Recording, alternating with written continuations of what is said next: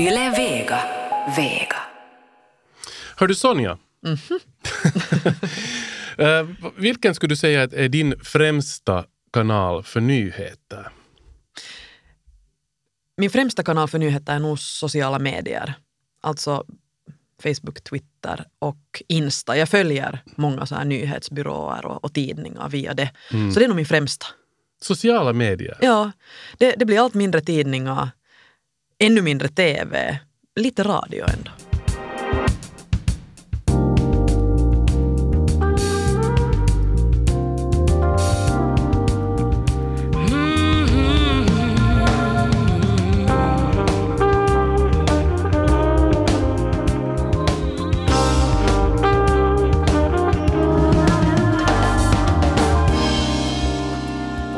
Ni lyssnar på Efter nio här tillsammans med Morten Svartström och mig Sonja Kailasari. Och det här är alltså då programmet eh, där vi utmanar någon att göra någonting annorlunda under en bestämd tid. Och idag ska vi tala om att följa med nyheter och nyhetsflöden då via traditionella medier, det vill säga radio, tv och tidningar.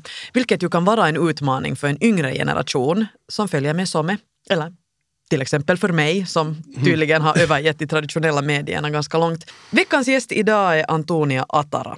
Hon studerar sp- skådespelarkonst vid Teaterhögskolan och hon är kanske en så typisk 20-plussare som konsumerar nyheter via smarttelefonens diverse flöden. Men hur ser en typisk finländsk ung människas medievanor ut? Och är det okej att få information om vad som händer i världen via källor som Facebook, Instagram eller kanske till och med Youtube? Eh, det som vi också ska diskutera är att är det överhuvudtaget viktigt att följa med i nyheter och vad krävs det för färdigheter idag för att kunna sålla bland det här utbudet.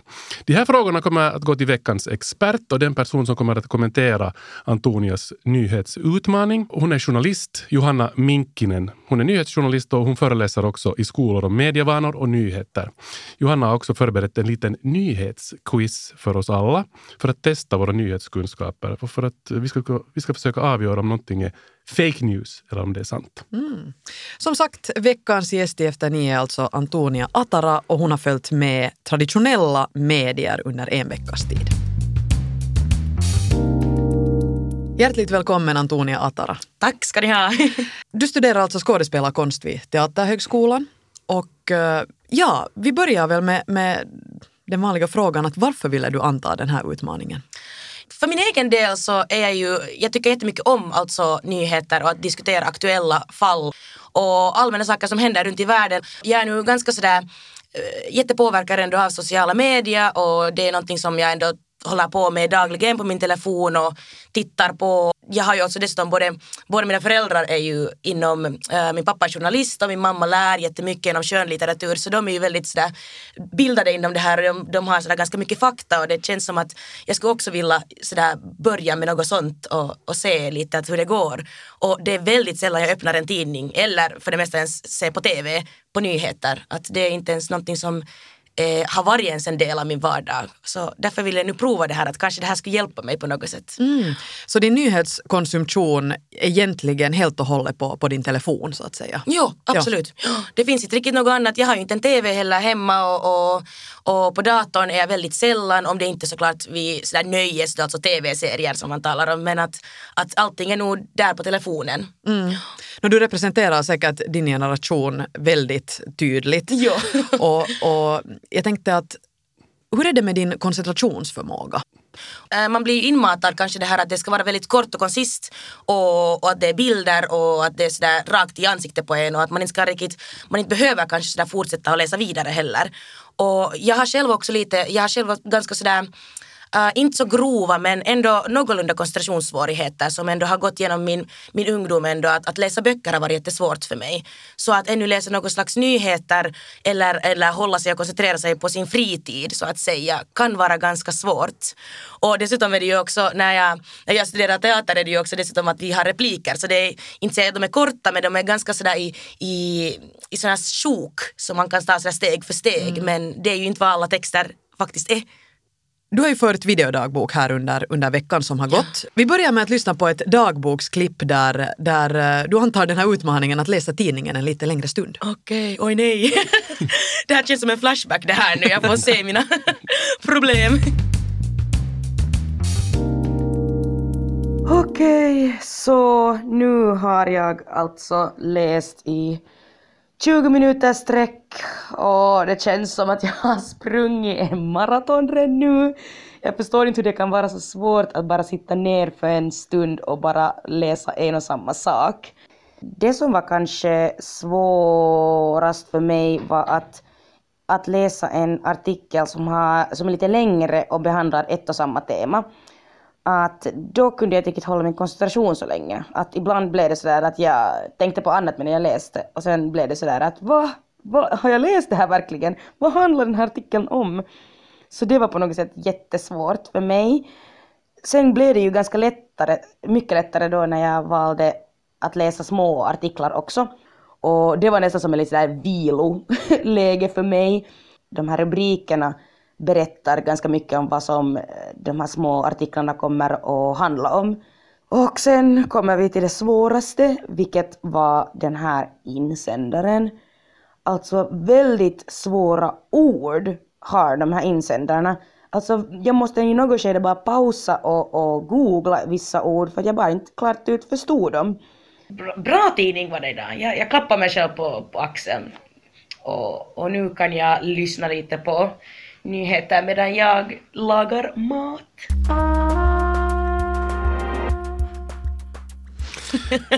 Det där sa, det där sa alltså skådespelarstuderande Antonia Atara som är veckans gäst här i Efter nio tillsammans med Sonja och med mig, Mårten. Uh, en liten utmaning där alltså att läsa traditionella media, det, din, det, har varit din utmaning och där, fick du, där läste du alltså en, en papperstidning, fast inte i pappersformat men på en padda eller vad? Jo, jo, jag insåg alltså raka vägen när jag fick den här utmaningen så tänkte jag att okay, men skönt, att då, har jag, då kan jag ladda den här teknologiskt på min telefon och då har jag den alltid med mig när jag behöver. Men jag insåg ju att det är nästan det är fysiskt omöjligt för mig att läsa nyheter på min telefon för att på något sätt jag har jag har lite mitt allt på min telefon. Där finns både läxor och arbetsturer och allt möjligt. Och ännu min kommunikationsmetod är ju min telefon. Mm. Så om jag ska försöka läsa någonting, och i alla fall något mycket längre, så ploppar det ju alltid någonting upp. Jag är sådär, ah, okej okay, den här artikeln, oj nu sätter min kompis att hon är också i stan, att ska vi träffas? Mm. Och då, då är ju det brutet raka vägen. Mm. Så jag satt en stund ändå sådär att okej, okay, att vad skulle jag kunna göra? Jag har inte i pappersform. Men jag hade en jättestor tur att jag hade sen en, just en padda som jag kunde ladda den här appen och den hade inte så mycket uh, andra appar också så jag kunde inte riktigt bli störd sådär att man blir distraherad av det. Så jag läste med den sen ganska mycket och det, var, det faktiskt fungerade. Jag tänkte fråga eh, här emellan, så där, överlag, hur ser du på det här med nyheter? Alltså, då talar jag inte om, om de som sprids på sociala medier, eller där kan ju också finnas helt riktiga nyheter så att säga. Men det här med att det finns nyhetskanaler och nyhetstidningar och eh, en radiokanal och en tv-kanal. Tycker du att det är nödvändigt? Jag tycker nog att det är faktiskt jättenödvändigt. För, eller det insåg jag under den här utmaningen också. Det är, det är på något sätt en väldigt lätt sak att säga sådär, oj men nyheter är bra ändå. Visst har man suttit hemma och varit jättesur att pappa har satt på nyheterna när man vill se på The Simpsons eller något sådär när man var yngre. Men det här, det är jättenyttigt. Men mm. att på något sätt sätta sig in i sin rutin kanske är det, den svåra saken. Mm.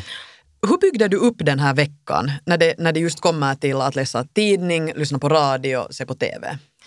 Det här med att lyssna på, på nyheter var kanske det lättaste. För det var på något sätt bara att okej, okay, men då byter jag bort att lyssna på musik och på morgonen när jag sitter i bussen eller i metron så då lyssnar jag på nyheter istället. Att visst är man kanske lite sådär morgondåsig och man kanske inte får all information som man sådär försöker få in men att det, är ganska, det blev en ganska lätt rutin det där att nu lyssnar jag på det här och det var ganska lite sådär terapeutiskt också. Och nyheter var, satt jag nog sådär att det var en lite sån kvällsprogram. Att jag kommer hem och har ätit klart och sitter ner sen och, och tittar på nyheter före jag sen börjar med annat. Men att sen det där att läsa var lite svårare för att det är svårt att göra lite på i bussen eller något sånt här för att det är svårt för mig att koncentrera mig och det blev ganska sent ofta som jag läste den. Att det var kanske till och med efter nyheter de här på tv som jag sen började läsa mm. genom allting. Att det var kanske sådär efter min vardag. Vi ska fortsätta med ett eh, videoklipp eh, från din videodagbok och här eh, tittar du då just på tv-nyheter. Okej, okay, jag håller på att sitta hemma och kramar min dyna. Jag gissar att det ska hända i något skede att jag ska bli sådär väldigt emotionellt fast när, när jag ser på nyheter och jag ser på en, ett, ett avsnitt som eh, handlar om att flyktingar åker farliga rutter från Afrika till Kanarieöarna. Och det är så obehagligt att se på, alltså verkligen är det obehagligt. Men det här gör så att man vet ju mera och att man kan stödja det. Nej, vänta. kongressen inte så fort som möjligt Jo, herregud, alltså det här är ju ganska ironiskt. Det står att muren ska kosta fem miljarder dollar och det är om Trump som vill berätta om den här muren som han ska bygga. Alltså hur ironiskt är det här? Helt ga- nej, på riktigt. Åh, jag vill slänga den här min laptop ut ur fönstret, vad ska jag göra? Antonia Atara, du blev, du blev ganska illa berörd här. Va, vad var det du reagerade på? Verkligen! alltså jag lite gissade här att, att, eh, att följa nyheter så kommer det komma vissa ämnen som kommer beröra mig väldigt, eh, väldigt mycket och det här var ju alltså ett eh, en konkret situation av, för mycket av tidningarna handlar om just flyktingproblemen och, och här var också en konkret uh, berättelse av en familj som, som, jag tror att det var, nu kommer jag inte ihåg vilket land det var, men ett afrikanskt land som försökte åka sen från det landet till uh, just Kanarieöarna och att den, de transportmedlen är jättefarliga, livsfarliga och att man ändå gör det och han förklarar ganska konkret också att, att det finns ingen annan möjlighet och att, att de bygger om de här båtarna och försöker sen på nytt. Och att han hade försökt ett par gånger men måste vända om för att det var så farligt. Och jag, jag satt sådär och, och sådär, det, det, en sådär stark empati kom där inne och det är sådär man Ja, man vill ju såklart inte vill man ju sitta där och, och, och höra sådana saker konkret. Men det är ju just som sagt jättebra. Men det var jag blev så till mig också. Just också för att sen finns det den här stora motpolen av hur man diskuterar, diskuterar om att man ger inte dem asyl och, och vår Trump som sen försöker bygga murar när det finns konkreta berättelser av familjer som sätter sig själv i livsfara. Och det på något sätt har varit alltid ett ämne för mig som, som sätter min sådär humanitära sådär, uh, åsikter på spel. Men har du varit ändå medveten om, om sådana här fenomen inom, som, inom världen som händer, som, som flyktingkrisen och Donald Trump, och, trots att du inte har följt med de traditionella nyheterna? Alltså jag har ju såklart, man har ju vetat det lite, så, men det, man har inte vetat det så konkret kanske. Att man har vetat hur allting fungerar och, och sådär hur situationen är. Flyktingsaker kanske just berör mig just för att jag kanske vet lite mer om det. Det är kanske något som vi har diskuterat hemma och det som sätter lite mitt, jag blir intresserad av att läsa lite mer att okej, okay, hur är det verkligen? Och, och det har varit ganska ofta talat om. Men inte så mycket som jag skulle vilja. Mm. Och, och det var det som jag insåg nu när jag såg den här nyhetstidningen, eller nyhetssändningen, att vitsig att det här visste jag ju inte. Mm. Att hur är det verkligen att det här kommer faktiskt att bli på det här viset. Mm. Att wow. Nu när du har konsumerat nyheter då via traditionella medier, då tidning, tv, radio, om du jämför det med hur du har konsumerat nyheter tidigare, vad, vad är den största skillnaden? Oj, no, alltså det finns ju ganska många skillnader men, men jag tror att jag, jag kände mig mer tror jag, självsäker på något sätt de sakerna som jag läste på sociala medier så man säger ju alltid en, en väldigt klassisk mening är det där att oj jag hörde det här och det här och vits vad häftigt och sen säger kompisen sådär ah okej okay, varifrån hörde du det? Och sen var sådär, ja från Facebook att det är ju kanske inte sådär, ja, jag är inte helt hundra procent säker om det är på det viset. Men nu kunde man säga en nyhet och då man säger sådär att ja okej, okay, vart hörde du det? Jag sa från nyheterna. Haha, att nu har jag någonting konkret. Att det, det gjorde nog ändå så att man känner sig självsäker av den information man har, man har konsumerat. Mm. En, en skillnad är väl just det här att, att på sociala medier så kan du ju välja lite vad du läser. Men mm. sen när du följer med traditionella så serveras det ju ett liksom paket så att säga. Absolut, ja. Du lyssnar alltså på Efter nio här tillsammans med oss, Sonja Kailasari och med mig Mårten Svartström. Och vi sitter här tillsammans med skådespelar, skådespelarstuderande Antonia Atara som är alltså veckans gäst och som har antagit utmaningen att så att säga bli bättre på att följa med nyheter. Framförallt nyheter via traditionella medier som radio, tv och tidningar. Och det vi också idag frågar oss är hur ska vi förhålla oss till nyheter och omvärlden? Räcker det med att jag håller mig till sociala medier för att jag ska hållas uppdaterad? Eller borde, eller rent av måste man följa med så kallade riktiga nyheter? Och varför i så fall? Nu är det dags att välkomna vår nästa gäst som är veckans expert. Eh, hon ska få kommentera Antonias utmaning. Och hon är den person som förhoppningsvis kan svara på just de här frågorna. Hon är nyhetsjournalist och föreläsare på ämnet. Nu ska vi be in Johanna Minkinen. Hjärtligt välkommen till Efter nio, Johanna Minkinen. Tack. Eh, som sagt, nyhetsjournalist med många års erfarenhet och du har också jobbat med Yles nyhetsskola. Så jag tänkte innan vi går in på Antonias utmaning. Den här nyhetsskolan handlar ju om skolelever som kan lära sig om nyheter, eller vad, eller vad går det ut på? Uh, no, det också, uh, vi, vi har lite olika koncept. Dels i vissa skolor så har vi jobbat en hel termin eller ett helt läsår och då jobbar vi mycket också med att uh, gå igenom nyhetskriterier och lite diskutera uh, nyhetsidéer och då slutar det sen alltid med att, att de här unga också får skriva egna nyheter som publiceras där på nyhetsskolans sida som är alltså helt Yles sajt. Så att det är ganska ofta sådär en häftig grej för dem att få bli publicerade där. Uh, men sen har, vi, sen har vi olika koncept att vi också ibland bara en lektion eller ett par lektioner någonstans och tala om, om olika aktuella teman och då kan det vara så att, att det är ofta läraren som har bett oss komma och prata om någonting. Till exempel fake news är ett tema som jätteofta kommer upp nu som är sånt som, som lärarna vill att, att vi ska hjälpa till med för de har ett så jättebrett spektrum alltså som de måste ha koll på och prata om i dagens läge. Och också hur man bygger upp webbartiklar och, och olika sånt här. Så, så massa olika teman inom mediefostran och, och helt journalistik också. Mm. Mediefostran, ja så heter det. Med ett, med ett bra, det är ett bra ord annars.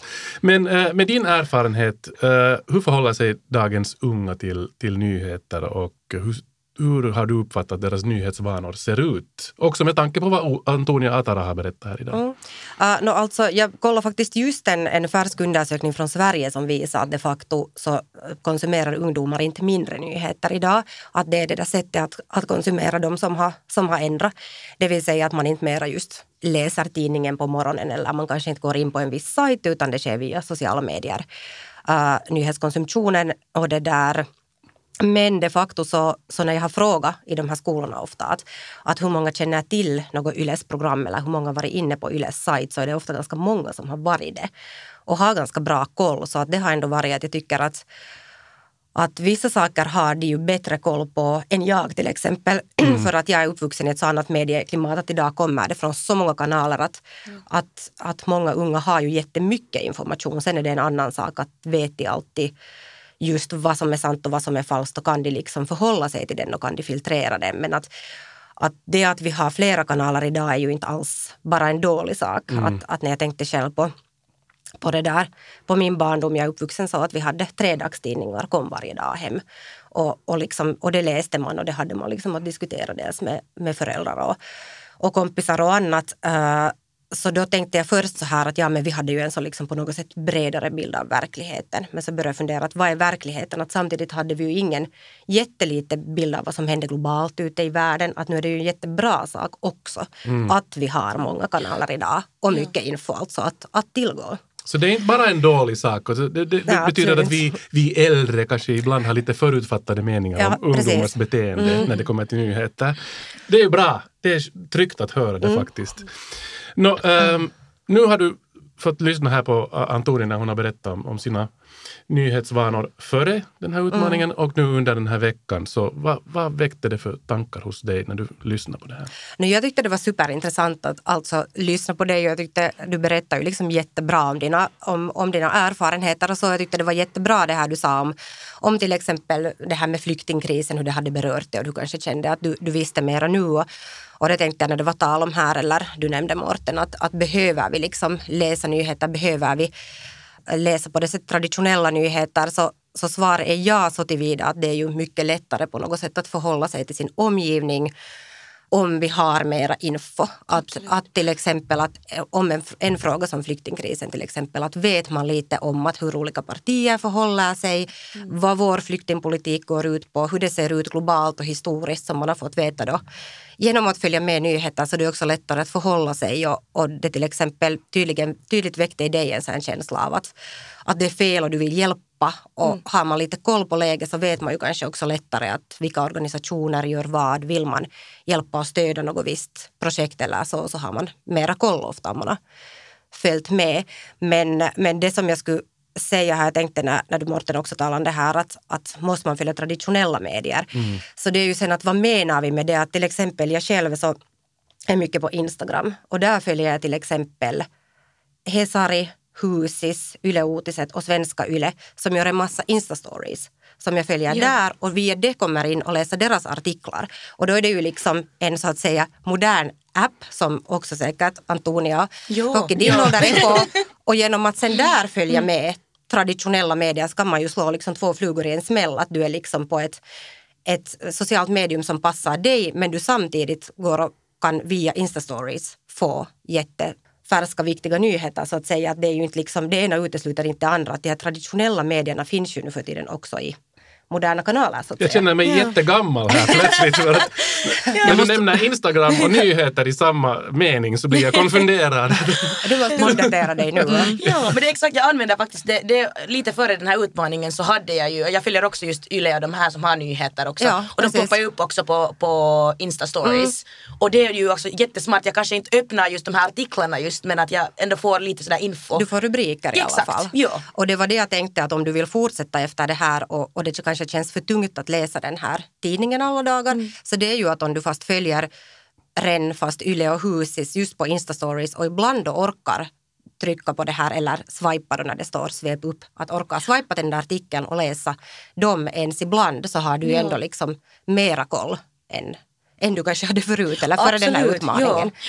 Plötsligt så måste jag ju konstatera att det är ju ganska fiffigt av de här traditionella medierna Ja. att, att använda Insta här för att locka de unga också. Och det är ju det som, som vi är liksom tvungna att göra, eller tvungna, är kanske fel ord för att det är ju en möjlighet, men men jag funderar liksom, när du sa att det kändes tungt att läsa en artikel i 20 minuter, så i och för sig, äh, många läser ju på webben bara ett par minuter är ju någon sån där medel, medeltid. Man läser en artikel på webben så 20 minuter i sig är ju inte alls kort. Att jag förstår bra, jag tycker att min egen koncentration också nu för tiden, för min sån här så kallade attention span har också blivit mycket kortare och sämre.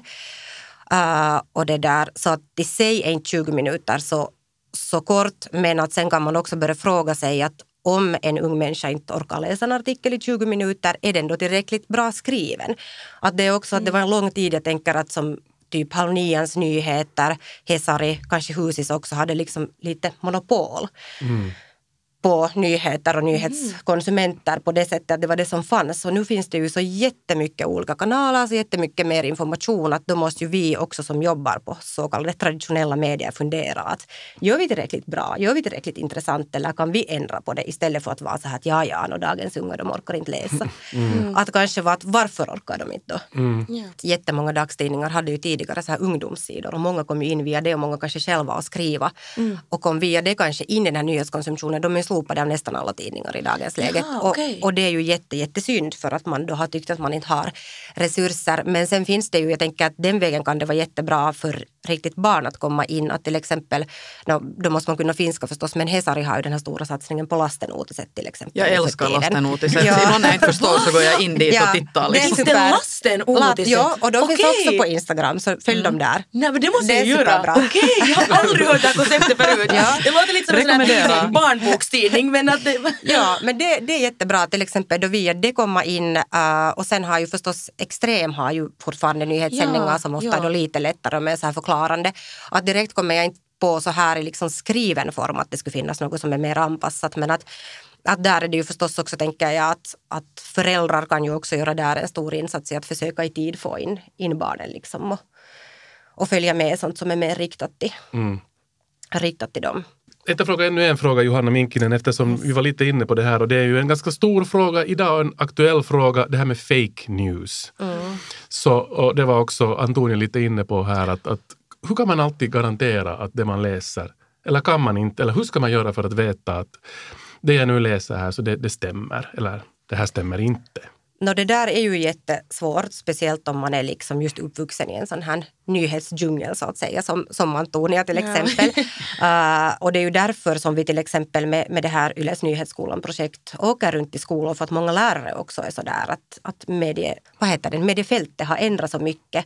Att de själva också är sådär att hjälpa, att, att hur ska vi själva veta kunna, vad heter det, lära ut åt våra elever. Om man lite googlar till exempel så finns det, finns det uh, sajter som till exempel berättar att, att vilka är pålitliga sajter och vilka är sådana man inte, inte riktigt ska lita på. Och så finns det också så här kriterier för vad man ska kolla till exempel helt enkelt. Att, att om du läser någon nyhet på en, på en viss sajt och det till exempel inte finns några kontaktuppgifter och det inte finns en byline till någon skribent så då ska varningsklockorna ringa. Då är det oftast en fake news-sajt. Det är väldigt typiskt att det inte finns någon redaktion och det finns inte, inte en e-postadress eller en byline eller så. Borde du berätta vad en byline är här? För Ja, ah, just det. Ja. Byline är alltså det att det står, ofta, det står skribentens namn och ofta ett foto också till exempel. Okej, nu om du har läst uh, dagstidningen så där är ju nästan på alla artiklar. Och ibland kan det stå Ja. till exempel SPT, sens presstjänst under eller, eller något sånt. Just det. Mm. Men oftast så står det liksom skribentens namn och ofta är det en bild och sen ibland också e-postadress och så.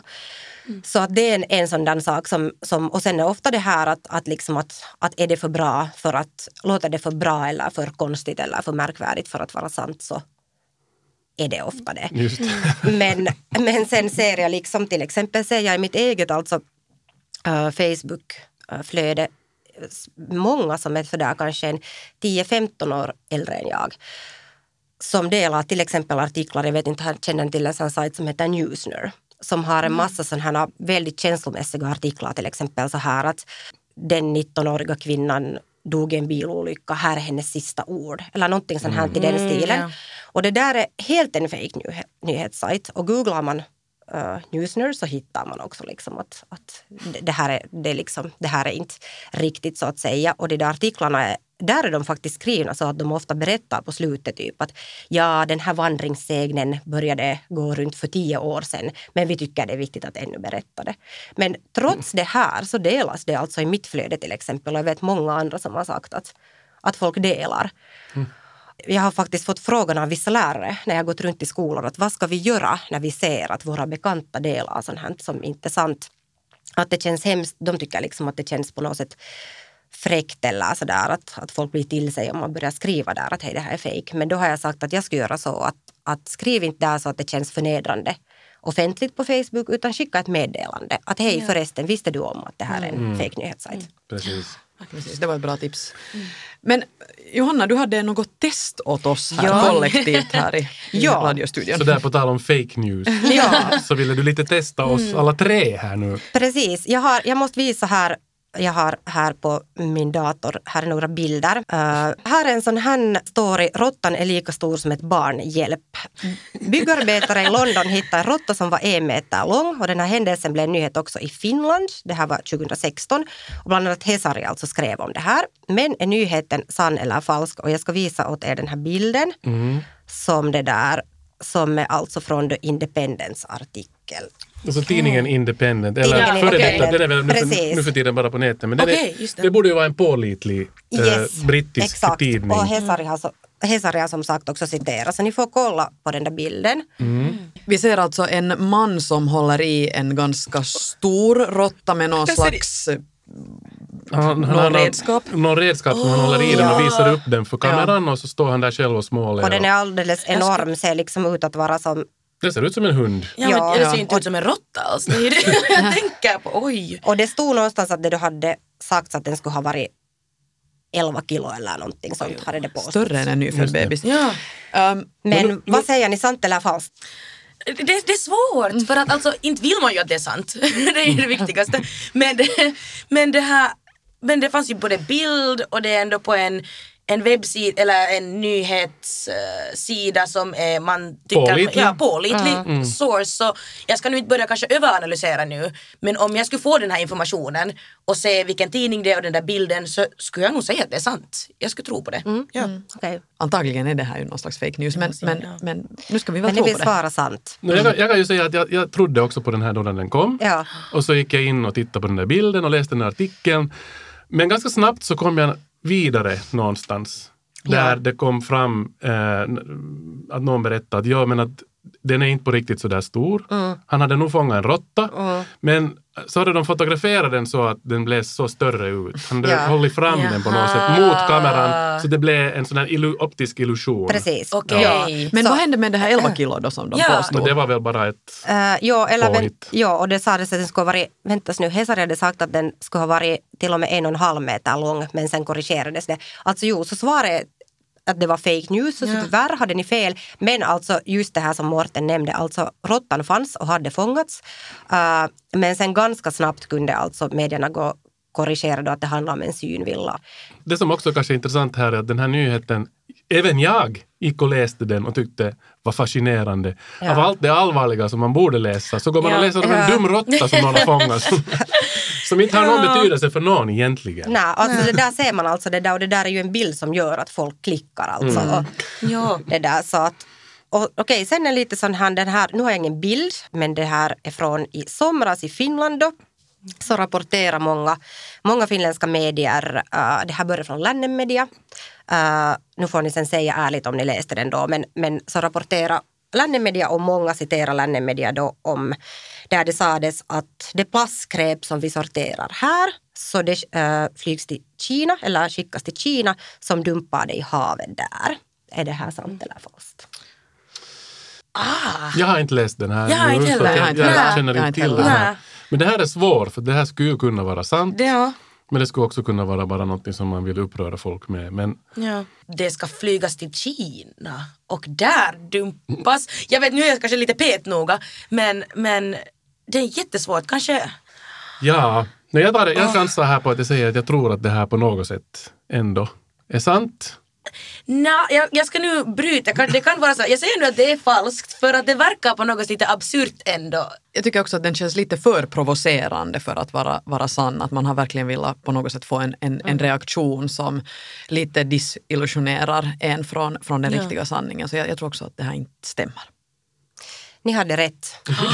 Jag hade fel. Yes! Morten hade fel, tyvärr. Det där, ja, alltså det här var en artikel från i somras som alltså citerades som sagt också av, av Svenska Yle och av Hesari och alla. Uh, och, Eh, men redan samma dag alltså så började det komma så här från myndighetshåll uh, olika röster om att hej nu låter det här konstigt. Att, att här är lite konstiga påståenden och då var det helt enkelt så att, att Lännemedia hade intervjuat en sån här docent som sen visade sig vara ganska ifrågasatt och jag vet inte exakt vad där har hänt att hade haft sommartorka, eh, dumt med nyheter, äh, få människor på plats. Helt enkelt alltså det har brustit i faktakollen och så har det brustit i följande led i faktakollen när folk har börjat citera. Och redan samma dag alltså så, så gick man sen, gick Lännemedia ut med en, en nyhet om att hej, det här var falskt och, och det där. Om man till exempel nu googlar på det så hittar man på Yle bara nyheten som berättar att hej, det här var falskt. Och det där, och det här är ju sånt som kan, inte ska hända med så att säga sådana etablerade pålitliga medier men kan göra det. Och det enda, eller det man kan göra då i dagens läge är ju helt enkelt det att göra om den till en sån här hej, den här informationen gick vi ut med, den var falsk. Men de facto hann det här spridas jättemycket i sociala medier så att garanterat finns det sådana som har läst den, spritt den och sen har de stängt av sin telefon och varit två veckor på sommarstugan och fortfarande tror att det är så här. liksom. Det där är just Ja. det där att sen bygger man upp sin världsuppfattning på, på, på grund Ja, av en sån här exakt. grej. Men Johanna, hur ofta tycker du att det händer det att etablerade eh, medier just sprider på något, något liknande eh, sätt en, en nyhet som egentligen inte, inte stämmer? Händer det väldigt ofta? Nej, det händer nog inte ofta. Det händer då och då. Det är nog så liksom att man reagerar då när det händer. Att, att det är nog ingenting som man behöver, tycker jag åtminstone som mediekonsument, så där sitta och vara rädd för att kan jag lita på Hesari, kan jag lita på Yle?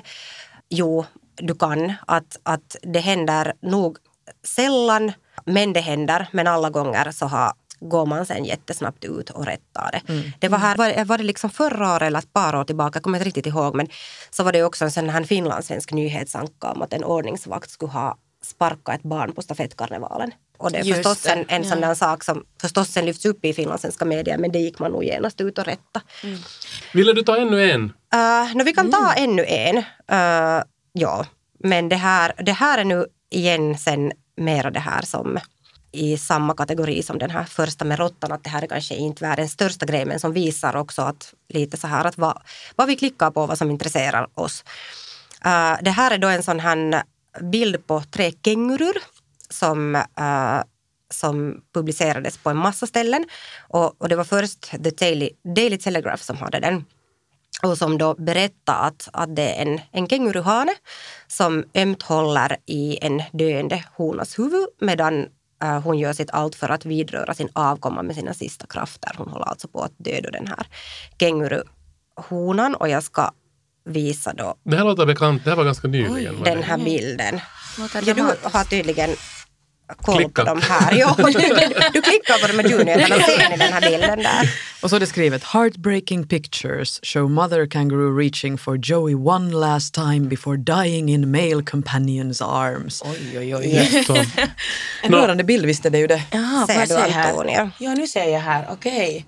Jepp. Jag håller nog med till att det där är också falskt. Den här nyheten berör inte mig på något sätt. Jag märker att, att jag skulle inte liksom klicka. Vad, vad är det? Vet du, okej, där är en bild och så har någon gjort en analys. Så det, det, antagligen stämmer det inte. Mm, jag skulle också säga att det är påhittat. Men roligt att man har gjort en artikel det där. Det är det som jag tycker är kul. Klickjournalism. Men, men yes, alltså första gången nu då hade ni alla rätt. Det här är alltså falskt. Uh, men, det här, men de facto är det alltså så att den här honan antagligen är den död. Men sen efter att det här har blivit då en viral hit och massa medier har delat det och, och privatpersoner delade så har då BBC äntligen då kommit upp på att göra en faktacheck och ringt upp en känguruforskare som då har sagt att, att uh, tolkningen är den att antagligen så är den här honan redan död och hanen försöker para sig med den här honan. Okej. Så den där äh, verkligheten var lite Ja. värre. Morbid. Och det här, fast du, du Sonja då säger att det här inte berörde dig på något sätt, så, så det som är ju ändå det typiska, eller ganska typiskt bland människor, är det att det här berör om man försöker läsa in sådana här mänskliga beteendemönster hos djur. Nyhetsjournalist Johanna Minkinen, tack för de här exemplen. Det var jätteintressant. Tack, Där ser vi hur svårt det är. Verkligen. Eh, en sista fråga går till uh, skådespelarstuderande Antonia Atara. Vad har du kommit till någon insikt och hur, hur tror du att du kommer att gå vidare? Nå, vad jag hoppas är ju att det här ska fortsätta. Kanske inte nu sådär som den här utmaningen att jag både gör genom audio och tv och tidningar. Men min insikt är nu det att det till och med hjälper lite mina studier. Det finns mycket som jag sen märkte till exempel under en lektion att jag kunde komma upp med när jag visste lite mera om vad som händer. Så det var en jättefin insikt för mig. Och att jag klarar av att läsa i 20 minuter. Det är alltid en rolig insikt. Fint. Det är jättebra. Ja. Tack för det här. Tack så mycket Antonia, tack så mycket Johanna. Ni har lyssnat på Efter nio tillsammans med eh, Sonja Kailasari och med mig Mårten Svartström och eh, Vi är tillbaka om en vecka med nya gäster och nya utmaningar.